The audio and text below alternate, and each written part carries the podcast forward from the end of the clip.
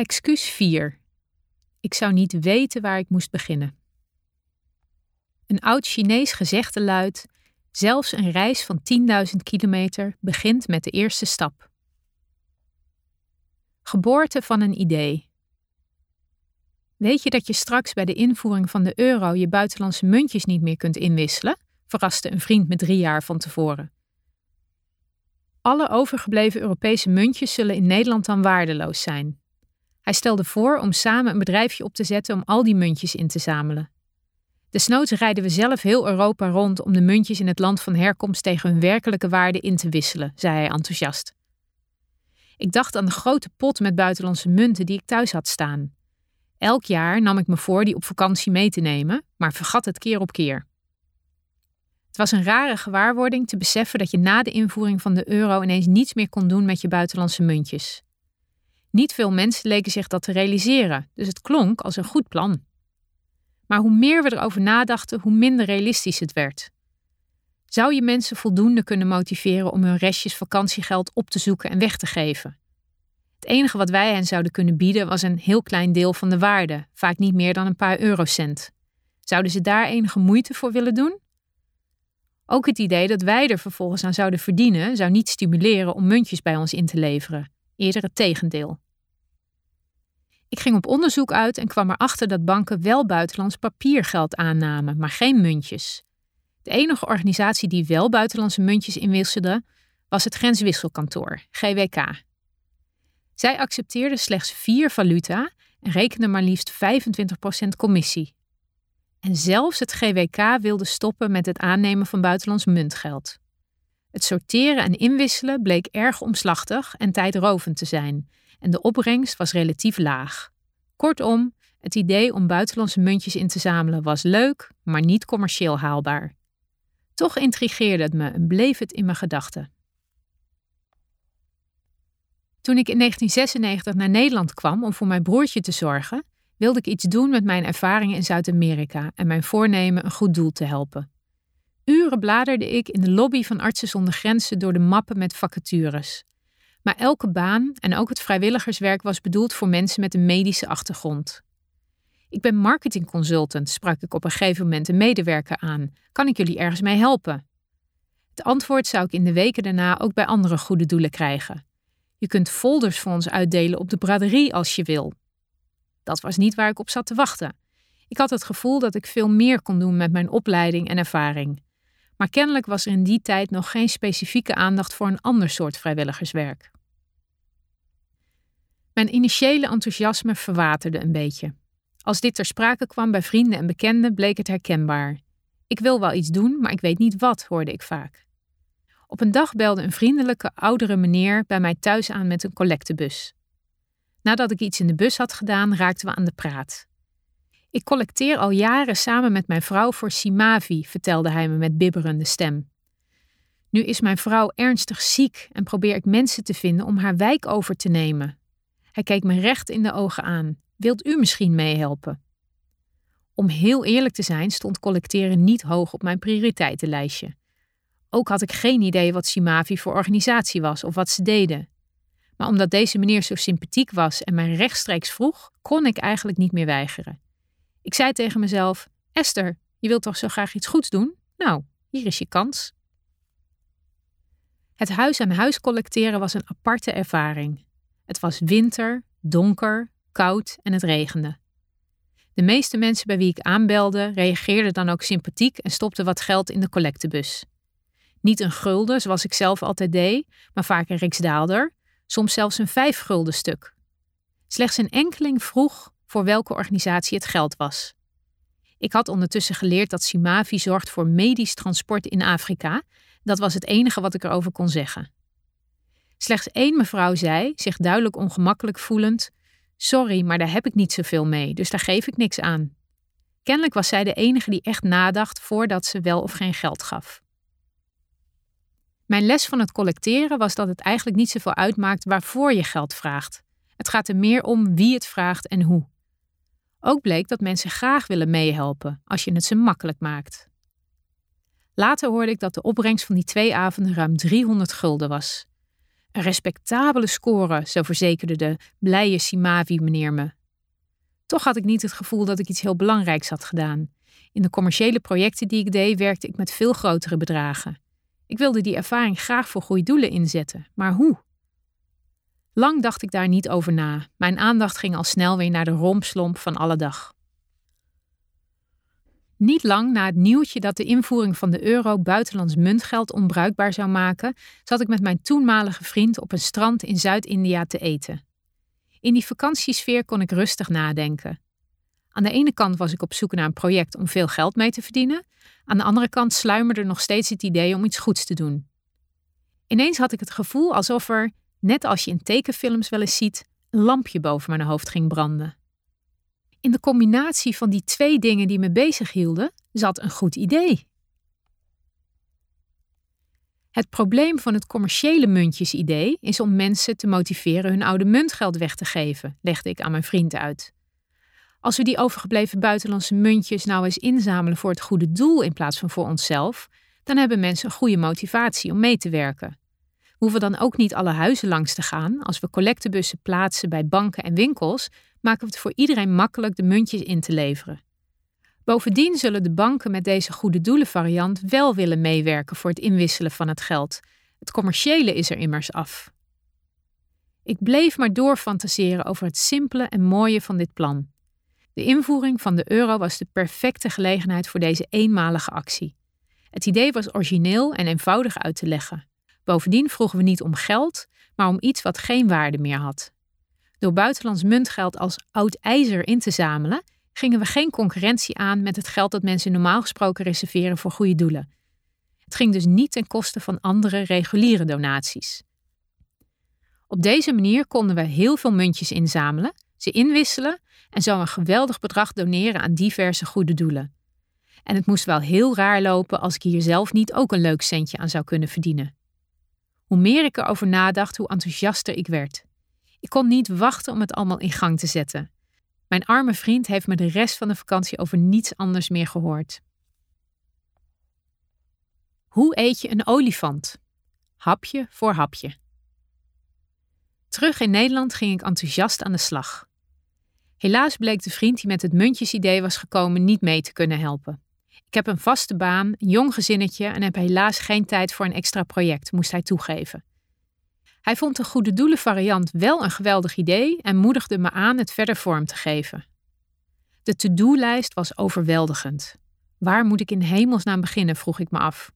Hoe meer ik er met andere mensen over praatte, hoe duidelijker het voor me werd. De beste oplossing lijkt om met partners te werken. Goede doelen voor de bestemming van het geld, winkels voor de inzameling, banken voor de omwisseling van de muntjes en een reclamebureau voor de publiciteit, concludeerde ik. Dat waren op zich al vier gigantische projecten. Daarnaast moest er een haalbaarheidsonderzoek worden gedaan en een stichting worden opgezet. Er moesten veel partijen benaderd worden. Alles was onderling verweven. Het was zo'n grote puzzel dat ik in eerste instantie geen idee had hoe ik dat voor elkaar zou kunnen krijgen. Tijdens mijn paar jaar als zelfstandig ondernemer had ik echter geleerd om in projecten te denken en niet in problemen. Als je een groot, onoverzichtelijk project verdeelt in kleinere projecten, dan is het ineens wel behapbaar. Het belangrijkste is om gewoon ergens te beginnen. Dan komt de rest vanzelf wel, probeerde ik mezelf te motiveren. De eerste prioriteit was om een aantal goede doelen te vinden waar de opbrengst van de actie heen zou gaan. Met die bekende namen zou ik dan de winkels, banken en het reclamebureau kunnen benaderen. Ik wilde het plan aan drie verschillende doelen voorleggen: iets met kinderen, iets met de natuur en iets met internationale hulp. Voor elk wat wils leek me gepast. Ik wist niets van goede doelen en koos daarom drie bekende namen: Foster Parents Plan, het Wereld Natuurfonds en Artsen zonder Grenzen. Mijn allereerste subproject bleek al moeilijker te zijn dan ik dacht. Een afspraak regelen bij de genoemde organisaties was niet eenvoudig. Ik dacht dat ze blij zouden zijn met goede ideeën voor fondsenwerving. Maar het bleek dat ze zo vaak benaderd werden dat de organisaties heel selectief waren in wie ze uitnodigden. Wat het allemaal niet makkelijker maakte, was dat ik over de telefoon niet durfde te zeggen waar het om ging. Als het idee van buitenlandse muntjes inzamelen bekend zou worden, zouden anderen het zo over kunnen nemen. Toch moest ik er iets over vertellen voordat de goede doelen met me wilden praten. Het eerste gesprek was bij Foster Parents Plan. Van tevoren had ik een jaarverslag aangevraagd en doorgelezen. Met name het kostenpercentage riep bij mij wat vragen op. Ik vond het belangrijk dat zoveel mogelijk geld bij de bestemming terecht zou komen en wilde de deelnemende goede doelen daar specifiek op selecteren. Het gesprek verliep echter compleet anders dan ik had verwacht. In plaats van blij te zijn met iemand die graag wilde helpen, had ik het idee dat de organisatie een beetje achterdochtig was. Waarom komt u bij ons met dit idee? Wat wilt u eigenlijk van ons? Het was opvallend dat ik deze houding terugzag bij alle doelen die ik bezocht. Ze bleken gewoon niet gewend te zijn dat iemand zomaar een project aanbood. Ze wisten niet hoe ze hiermee om moesten gaan en hadden er geen procedure voor in de organisatie. Wel waren ze uiteindelijk allemaal enthousiast over het idee.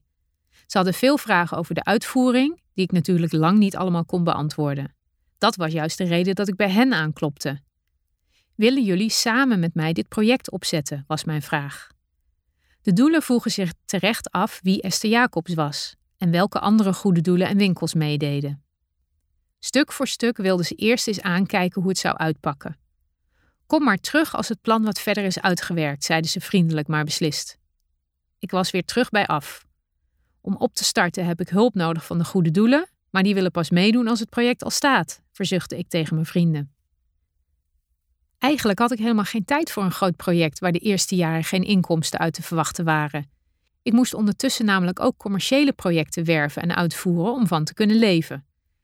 Er ging veel tijd zitten in het zoeken van projecten. Ik schreef vele voorstellen waar slechts af en toe een betaalde opdracht uitkwam. Toch sprak het muntjes, goede doelen idee me zodanig aan dat ik het gewoon moest proberen. Wat me hielp te blijven geloven in het project waren de positieve reacties die ik kreeg van iedereen die ik over het inzamelplan vertelde. Ik besloot de moed erin te houden door alvast een stichting op te richten. Zo kon ik iets van mijn to-do-lijst afstrepen en dat zou weer nieuwe energie geven. Ik brak mijn hoofd over een passende naam. Het moet iets internationaals zijn. De naam moet goed klinken, makkelijk te onthouden zijn en iets over de actie en de goede doelen zeggen, legde ik uit aan vrienden die aanboden mee te denken. Uiteindelijk kwamen we op Coins for Care, een pakkende naam die niet veel uitleg behoefde. Een vriendelijke notaris, gewoon uit de telefoongids, hielp me gratis een stichting op te richten. Het viel me op hoe makkelijk het was om een goed doel te beginnen. Het volgende subproject was een bank vinden die het ingezamelde buitenlandse muntgeld zou willen omwisselen in euro's. Je moet de beslissing van de banken om geen buitenlandse muntjes aan te nemen niet onderschatten, waarschuwden vrienden me. Toch had ik het idee dat banken graag mee zouden helpen voor het goede doel. Uit al die welwillende banken zou ik dan kunnen kiezen voor die met de beste voorwaarden. Na deze naïeve fantasie voelden de gesprekken met de banken als een koude douche. Ze dachten er niet over om de ingezamelde munten in te wisselen. Ze lachten me nog net niet uit. Een woordvoerder legde me over de telefoon geduldig uit. Ten eerste hebben we wel overwogen besloten om niets met buitenlandse muntjes te maken te hebben. Het is een rot karwei. Veel werk voor een opbrengst die nauwelijks de moeite waard is. Ten tweede, zo werd me verzekerd, al hadden we willen helpen, de euro-inwisseling is het allerslechtste moment om iets van onze banken te vragen. Vanzelfsprekend zijn we dan tot over onze oren bezig met de omwisseling van guldens in euro's. Als de banken niet wilden helpen met het sorteren en tellen, dan moest ik het zelf maar doen. Zo moeilijk kon het toch niet zijn? Ik begon dus informatie te zoeken over telmachines en kwam bij de fabrikant van Scancoin terecht. Het bleek dat deze peperdure apparaten hun beperkingen hebben. Ze kunnen slechts een beperkt aantal muntsoorten per keer aan en lopen snel vast als er te veel vreemde munten tussen zitten. Ook al had ik miljoenen euro's gehad om de benodigde telmachines te kopen, dan nog was het niet gelukt.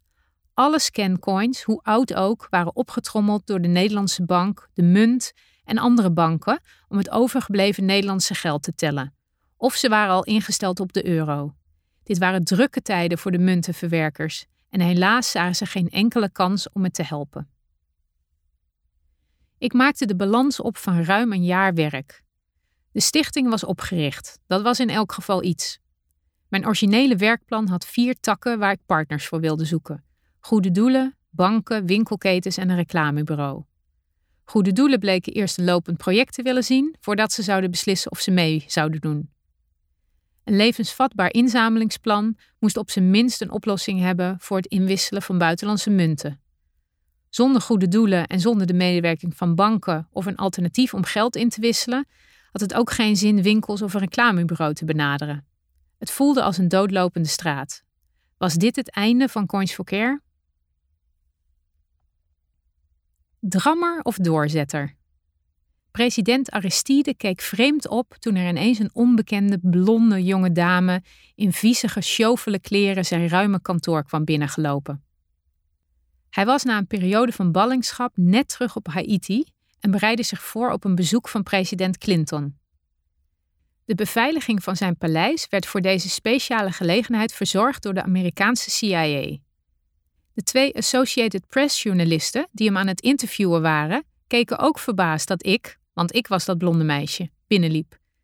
Ze hadden me namelijk een uur geleden voor het paleis gedag gezegd en hadden niet gedacht dat ik zonder introductie, paspoort of perskaart het paleis binnen zou komen. Het interview was bijna afgelopen. Ze introduceerden me. Dit is Esther, een backpacker uit Nederland. En namen afscheid. We schudden de hand van president Aristide. Ik maakte een foto van het drietal en gezamenlijk liepen we door de lange gangen het paleis weer uit. De dag ervoor was ik, zonder plan, geld, reisgids of reserveringen aangekomen op Haiti. Op het vliegveld had een taxichauffeur gevraagd naar welk hotel ik wilde. Zijn er ook goedkope pensions? vroeg ik. De taxichauffeur keek onthutst. Pensions hebben we hier niet. Er zijn namelijk al jaren geen toeristen vanwege de economische boycott door Amerika. De prijs die hij vroeg voor een ritje naar de hoofdstad Port-au-Prince vond ik veel te hoog. Dus ik besloot te wachten en te kijken wat er zou gebeuren. Nog geen kwartier later reed dezelfde taxichauffeur weer langs en zei: Kom maar mee, ik wil je voorstellen aan wat mensen die je misschien kunnen helpen. Ik stapte in en even later stond ik voor twee scheldende Amerikaanse journalisten die er net achter waren gekomen dat hun kostbare apparatuur beschadigd, zonder verpakking en incompleet uit het vliegtuig was gekomen. Ze besteden totaal geen aandacht aan me, tot de taxichauffeur aarzelend vroeg of ze me een lift konden geven. Ze keken even vluchtig naar me, knikten en vervolgden hun zoektocht om zoveel mogelijk bagage te redden. Een beetje verloren bleef ik staan wachten. Even later werd ik uitgenodigd in hun taxibusje. Terwijl we wegreden, vroegen ze waar ik naartoe ging. Ik weet het niet, antwoordde ik. Ze keken verbaasd.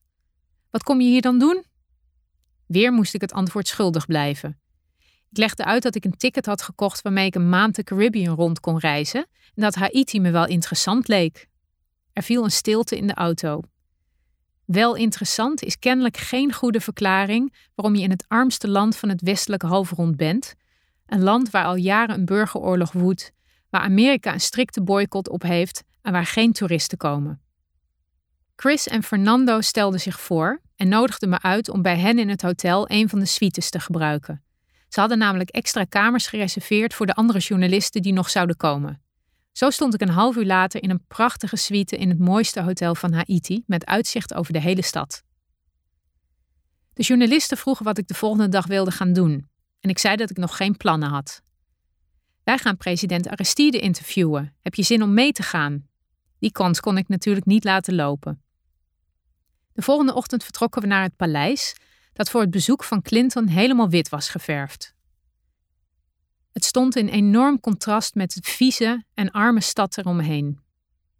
Er was al jaren geen vuilnis opgehaald. Het rijke deel van de stad dumpte zijn afval in de arme wijken. Clinton zou per helikopter arriveren. Voor de zekerheid werd de snelweg waar hij overheen zou vliegen opnieuw geasfalteerd. Hij zou dus een totaal andere indruk krijgen van Haiti dan de werkelijkheid. Vlak voor het paleis kregen Chris en Fernando een telefoontje. De hotelkamers, die ze in een ander hotel hadden gereserveerd voor de rest van de crew, bleken niet beschikbaar te zijn. Ze hadden geen tijd meer om erheen te gaan. Het interview zou binnen een half uur beginnen. Hoe langer ze wachten, hoe kleiner de kans zou zijn om nog kamers te vinden in de stad die langzaam volstroomde met journalisten.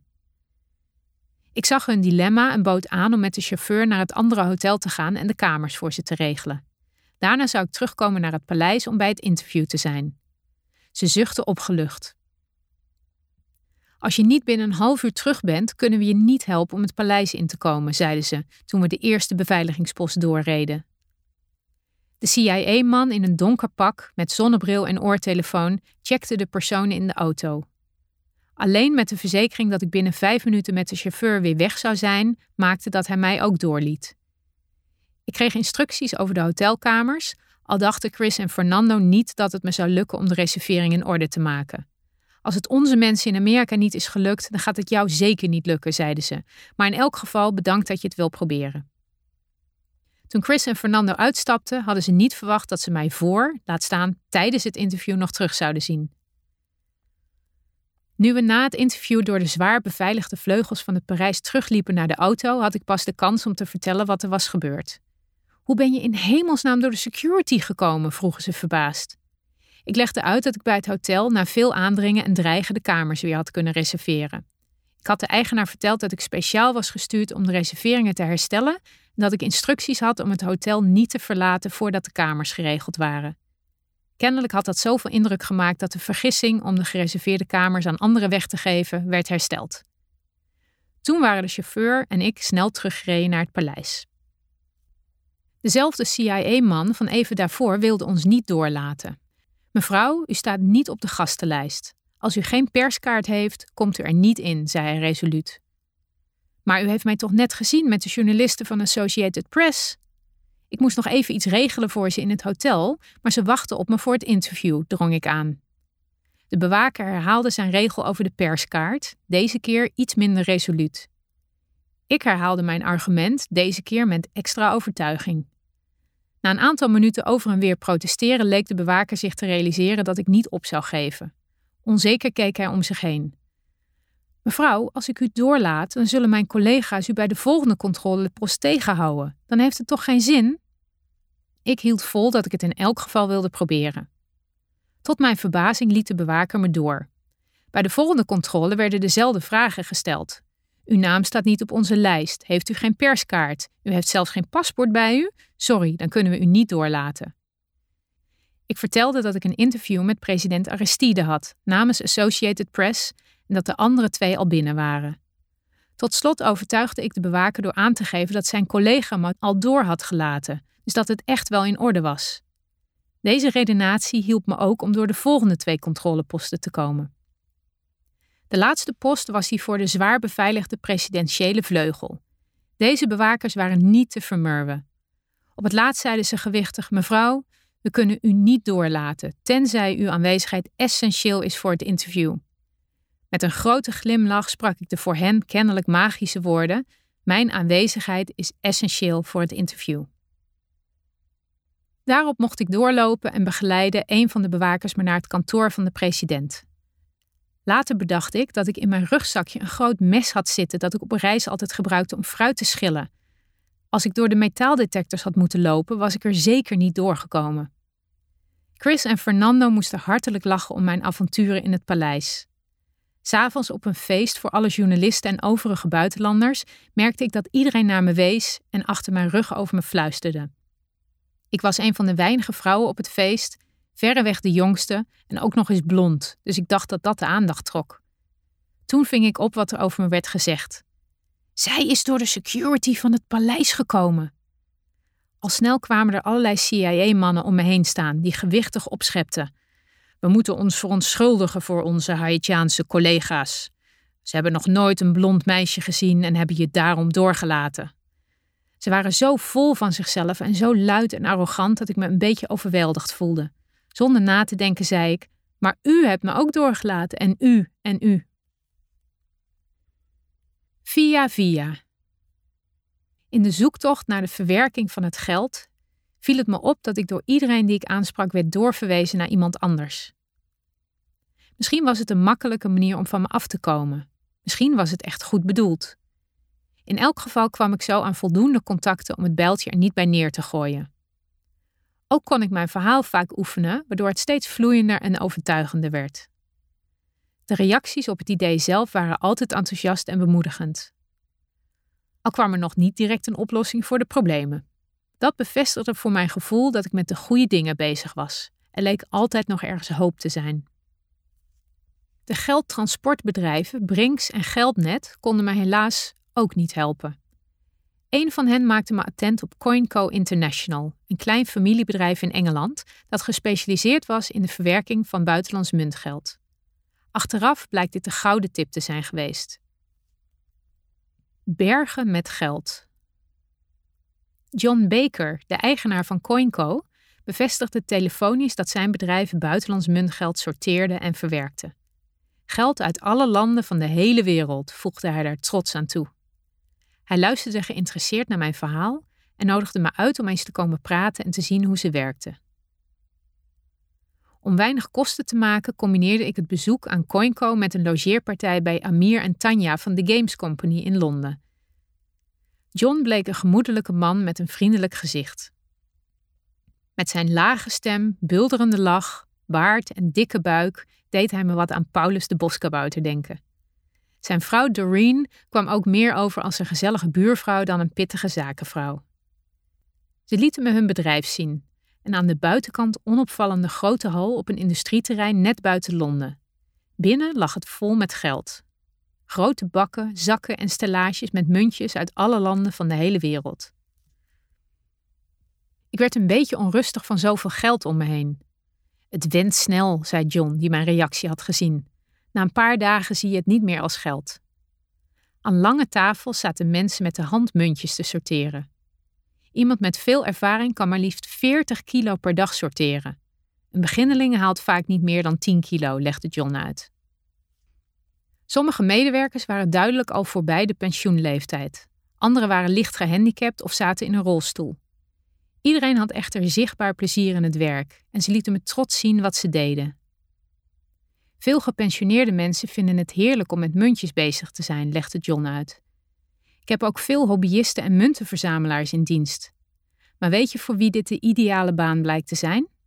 Ik moest het antwoord schuldig blijven. Met een ondeugende glimlach zei John: voor managers die een burn-out hebben gehad. CoinCo is ooit als een soort hobby begonnen toen de luchtvaartmaatschappij waar John werkte failliet ging, legde zijn vrouw Doreen uit. Er stond een grote bak met buitenlands muntgeld waar niemand iets mee deed. John vroeg of hij het mee naar huis mocht nemen. Het hele gezin hielp mee met sorteren. Op vakantie namen ze steeds muntjes mee terug naar het land van herkomst. Ik zag het voor me: John, Doreen en de kinderen aan de keukentafel die bezaaid was met muntjes. Omdat CoinCo het enige bedrijf in zijn soort was in Europa, kwamen er steeds meer klanten bij. Luchtvaartmaatschappijen die met de belastingvrije verkoop buitenlandse muntjes binnenkregen, Engelse goede doelen die buitenlands muntgeld inzamelden en ook de Engelse PTT die op deze manier van zijn buitenlandse geld afkwam. Onze vreemdste klant is de parkeerdienst van een aantal grote steden in West-Duitsland, legde John met een grote glimlach uit. Er komen daar veel Polen en Oost-Duitse mensen en die hebben uitgevonden dat een aantal Poolse munten even groot zijn als een Duitse mark. Ze gebruiken die bij de parkeermeters om nagenoeg gratis te kunnen parkeren. De parkeerdienst had de keuze tussen het weggooien van de Poolse munten, die slechts een fractie van de waarde van de mark hadden, of ze inwisselen om in elk geval nog iets van waarde terug te krijgen. Zo waren ze bij CoinCo terechtgekomen. John legde uit dat het niet eenvoudig was om met muntgeld te werken. Veel problemen zou je op het eerste gezicht over het hoofd zien. Je kunt bijvoorbeeld niet zomaar een vrachtwagen volgooien met munten, dan zakt hij door zijn assen. Zo zwaar is het geld. Hmm, daar gaat ons idee van zelf door Europa rijden met een vrachtwagen vol met muntjes, dacht ik. Daarnaast wil geen verzekering het vervoer dekken. Zij zien het als waardetransport, vervolgde John.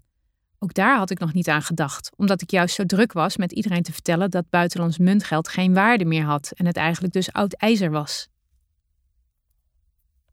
Bovendien, als je dan met je auto met bijvoorbeeld peseta's bij de Spaanse grens aankomt, laten ze je vaak niet binnen.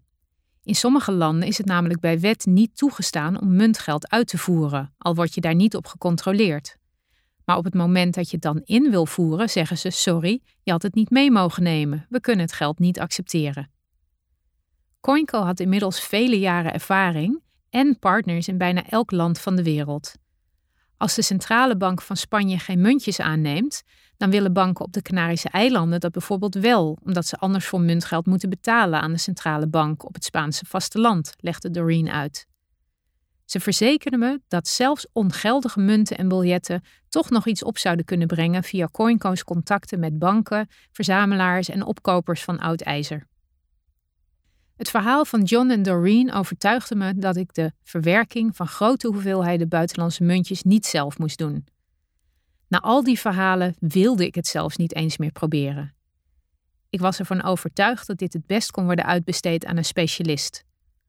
CoinCo leek niet alleen de beste optie, het was de enige oplossing na anderhalf jaar speurwerk. John en Doreen gaven aan dat ze graag wilden meehelpen met Coins for Care. Voor CoinCo zal de invoering van de euro ongeveer 25% minder werk betekenen. Door Coins for Care hopen we meer bekendheid en nieuwe klanten te krijgen om dat te compenseren, was John's motivatie. Ze boden aan het ingezamelde geld voor Coins for Care te sorteren en in te wisselen. Ze wilden het zelfs met speciale vrachtwagens op een aantal plekken in Nederland komen ophalen. Ik ging terug naar huis met een goed gevoel. Eindelijk iemand die zei dat het wel mogelijk was om al dat geld in te wisselen. Sterker nog, die het graag wilde doen. John stuurde me een conceptcontract. In feite zou Coins for Care het geld aan CoinCo verkopen voor een vast bedrag per muntje per land. Bij het contract zat een lijst van de aangeboden tegenwaarden voor muntjes en papiergeld van elk land. De waarde werd aangegeven in het percentage van de nominale waarde, de echte waarde van het geld. Na wat onderhandelingen over de telefoon kwamen we uit op 98% voor Nederlands geld en 92% voor de meeste Europese valuta. Dat CoinCo niet erg zakelijk was, werd achteraf duidelijk. De tarieven die ze me hadden gegund bleken uiteindelijk zelfs beneden hun kostprijs te liggen. Ik wilde met Coins for Care samenwerking tussen goede doelen stimuleren en kosten besparen. Het zou zonde zijn als meerdere goede doelen zo'n actie zouden organiseren en ieder hun eigen verwerking op moest zetten. Daarom besloten CoinCo en Coins for Care om het contract exclusief te maken. CoinCo zou eventuele andere muntjesacties naar ons doorverwijzen. Het anderhalf jaar durende onderzoek in de wereld van het buitenlandse muntgeld gaf ook een ander voordeel al was ik me daar op dat moment nog niet van bewust. Door alle gesprekken met de verschillende instanties was ik een soort specialist geworden op muntjesgebied. De vraag wie is Esther Jacobs was nu in elk geval beantwoord. Ik had trouwens gemerkt dat het beter werkte om in de we-vorm te spreken. Als je over we spreekt, dan lijkt het of je het over een organisatie hebt.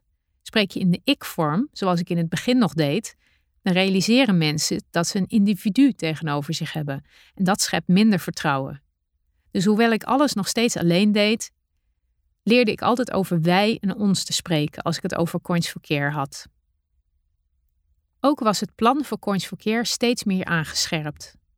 Ik had een korte, krachtige elevator pitch die ik in 30 seconden kon afsteken.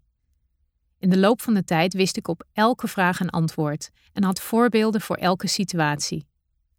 Zo kan ik de goede doelen en de winkel straks laten zien dat ik weet waar ik het over heb, ook al zijn Coins for Care en ik zelf onbekend, bedacht ik. Dat bleek een groot voordeel te zijn in de gesprekken met de diverse grote partijen die zouden volgen.